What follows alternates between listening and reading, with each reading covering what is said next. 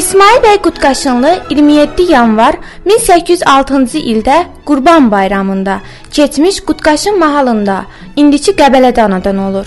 Adı da bu bayrama görə verilir. Atası Nəsrullah Sultan Qutqaşın mahalının sol sultanı olur. Azərbaycan Rusiya tərəfindən işğal edildikdən sonra həmin mahalın başçısı təyin edilir.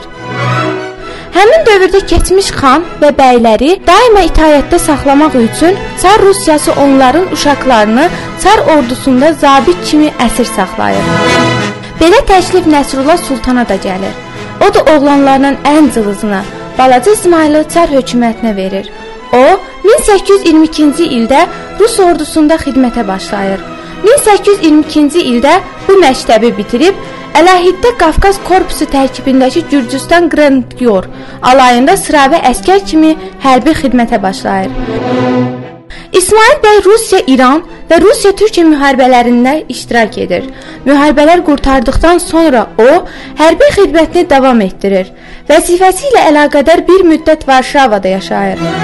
1841-ci ildə Qutqaşınlı istefaya çıxır və vətənə qayıdaraq Qutqaşın və Şamaxıda yaşayıb dərs deyir. Rus ordusunda 25 illik xidmətdən sonra İsmail bəy 1847-ci ildən Şamaxıda bəy komissiyasında işləmişdir. Qutqaşınlı 1852 və 1967-ci ildə Məkkəyə həcc ziyarətinə gedir. Bu siyasəti ilə əlaqədar çap olunmuş Şərəfnamə adlı yol qeydlərini yazır. Qayıdandan sonra Şamaxıda və Qutqaşında yaşayır. Onun 1869-cu ildə Ağdaş mahalında karvansarada yemək yeyərkən suyuna zəhər qatılmaqla həyat yoldaşı Tutu xanım Biki ilə bircə həyatına son qoyulmuşdur. İsmail bəy Qutqaşınlı Tutu xanım Biki ilə bircə Qəbələdəki Sultan Baba qəbirstanlığında dəfn edilmişdir. Qutqaşınlı yaradıcılığını şah əsəri Rəşid bəy və Səadət xanım əsəridir. Bu əsərdə iki zadəcan ailəyə məxsus olan gənclərin məhəbbətindən bəhs edilir.